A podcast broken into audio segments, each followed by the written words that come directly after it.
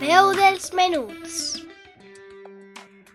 Un espai de literatura, diversió i entreteniment.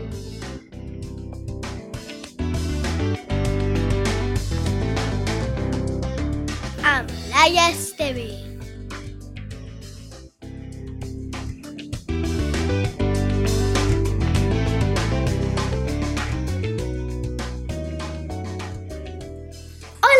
Benvinguts un dissabte més a veu dels menuts en la teua ràdio.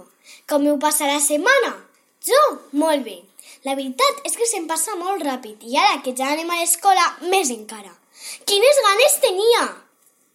A mi m'agrada molt passejar pel camp, anar a la serra, observar els animalets i buscar fòssils i escampinyetes, molt típica Monover.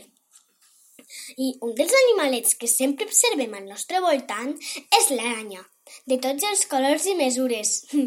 Per això, avui he decidit aprofundir en les seues característiques, peculiaritats i, sobretot, vull saber com són capaces de fer aquella teranyina tan perfecta. Comencem! Segurament tothom s'ha trobat més d'una vegada enganxat en una teranyina caminant pel carrer o a dins de les cases. I a molts de vosaltres segur que fins i tot vos ha fet fàstic. A que sí? Però vos heu preguntat alguna vegada com fan les aranyes aquesta teranyina? Les teranyines són fortes, resistents i poden arribar a tenir uns dibuixos molt bonics, però la seva funció principal és la d'atrapar a les seues preses, ja que les aranyes senten la vibració de la xarxa quan un insecte cau en ella. I ataquen ràpidament! A què heu vist com corren de ràpid?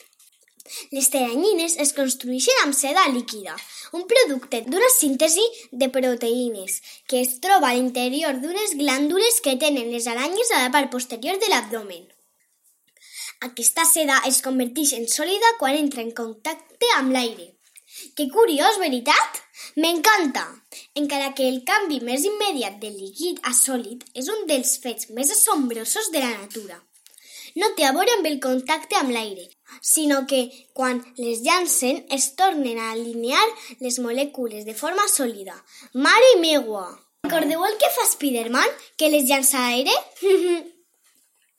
Però això no és tot. Una curiositat molt destacada és que són capaces de triar com d'espècies volen que siga la xarxa i també els tipus de seda, segons les condicions on faran la seva teranyina. Per això pot ser molt fineta viatgera o pot tenir fils molt grossos i resistents. Algunes aranyes fan teles molt apegaloses i altres no. Algunes són molt llises i altres tenen voltets. Sabeu com les construeixen? Aprofiten el vent perquè quan ix el filet de seda de l'aranya es mou segons bufe el vent i ho aprofiten per a donar-li la direcció que volen. Fan un pontet d'inici, marquen el seu territori i després continuen afegint més i més filets fins que fan la xarxa forta i resistent. Les línies que van des de dins cap a fora se diuen radials i la seva funció és fer de punt de suport a la xarxa i les línies orbes són les que van als voltants. Algunes aranyes tenen problemes de vista i com que no poden portar ulleres fan la seva teranyina, perfecta, sols fixant-se amb el tacte. Mireu que curiós! Les teranyines velletes o les que no li ixen bé se les mengen i amb elles generen una nova. Les aranyes també reciclen! I què fan per a no quedar-se enganxades elles en les seues pròpies teranyines? Alguns experts pensen que les aranyes es posen una substància oliosa a les cames que tenen a la boca i per això no s'enganxen, però no està totalment demostrat. Sabeu què? Com que hi ha tantíssimes aranyes diferents, algunes fan les teranyines de dia i altres de nit, però normalment sempre que no estiguen caçant. Vos agraden les aranyes o vos donen repelús?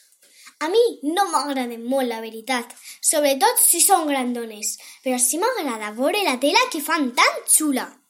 Què us ha paregut el programa d'avui? Espero que hàgiu après molt sobre aquests insectes que sempre ens acompanyen, encara que no els vegem. Passeu uns bons dies i com sempre vos dic, cuideu-vos molt! La veu dels menuts. Un espai de literatura, diversió i entreteniment.